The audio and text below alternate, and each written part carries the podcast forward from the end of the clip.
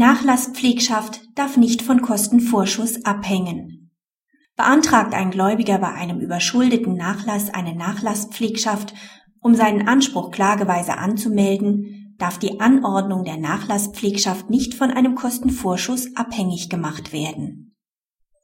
Die Erblasserin wohnte zuletzt in einem Pflegeheim. Gegenüber diesem standen nach deren Tod noch ca. 2000 Euro zur Zahlung aus. Wegen der Dürftigkeit des Nachlasses schlugen alle Erben erster Ordnung die Erbschaft aus. Der Träger des Seniorenheims beantragte daraufhin beim Amtsgericht, einen Nachlasspfleger nach 1961 BGB zu bestellen, um die Forderung gerichtlich geltend machen zu können.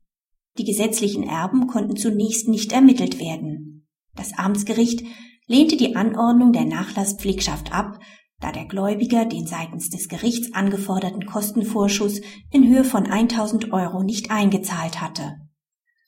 Auf die daraufhin eingelegte Beschwerde ändert das Oberlandesgericht Hamm den abweisenden Beschluss ab und ordnet die Nachlasspflegschaft mit dem Wirkungskreis der Vertretung der unbekannten Erben bei der außergerichtlichen und gerichtlichen Geltendmachung der Ansprüche an. Das Oberlandesgericht stellt zunächst in formeller Hinsicht fest, dass gegen die Ablehnung der Anordnung einer nach 1961 BGB beantragten Nachlasspflegschaft nach dem 58 59 FAMFG die Beschwerde statthaft ist. Von der Zahlung eines Gerichtskostenvorschusses darf das Amtsgericht die Anordnung der Nachlasspflegschaft nicht abhängig machen, da für diese Kosten nach 6 Kostenordnung nur die Erben haften weil insoweit die Erben als Kostenschuldner vorhanden sind, auch wenn sie zunächst unbekannt sind, braucht der den Antrag stellende Gläubiger keinen Kostenvorschuss einzuzahlen. Dies gilt selbst dann, wenn der Nachlass dürftig ist. Ein Teil der Literatur sieht dies anders und das Gericht als berechtigt an, einen Kostenvorschuss anzufordern, wenn der Nachlass überschuldet ist.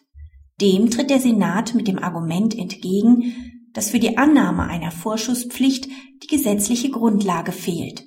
Bei einem mittellosen Nachlass trägt deshalb die Staatskasse die Verfahrenskosten. Praxishinweis. Die Entscheidung erleichtert es den Gläubigern unbekannter Erben, eine Nachlasspflegschaft in Form einer Klagepflegschaft nach 1961 BGB zu erreichen.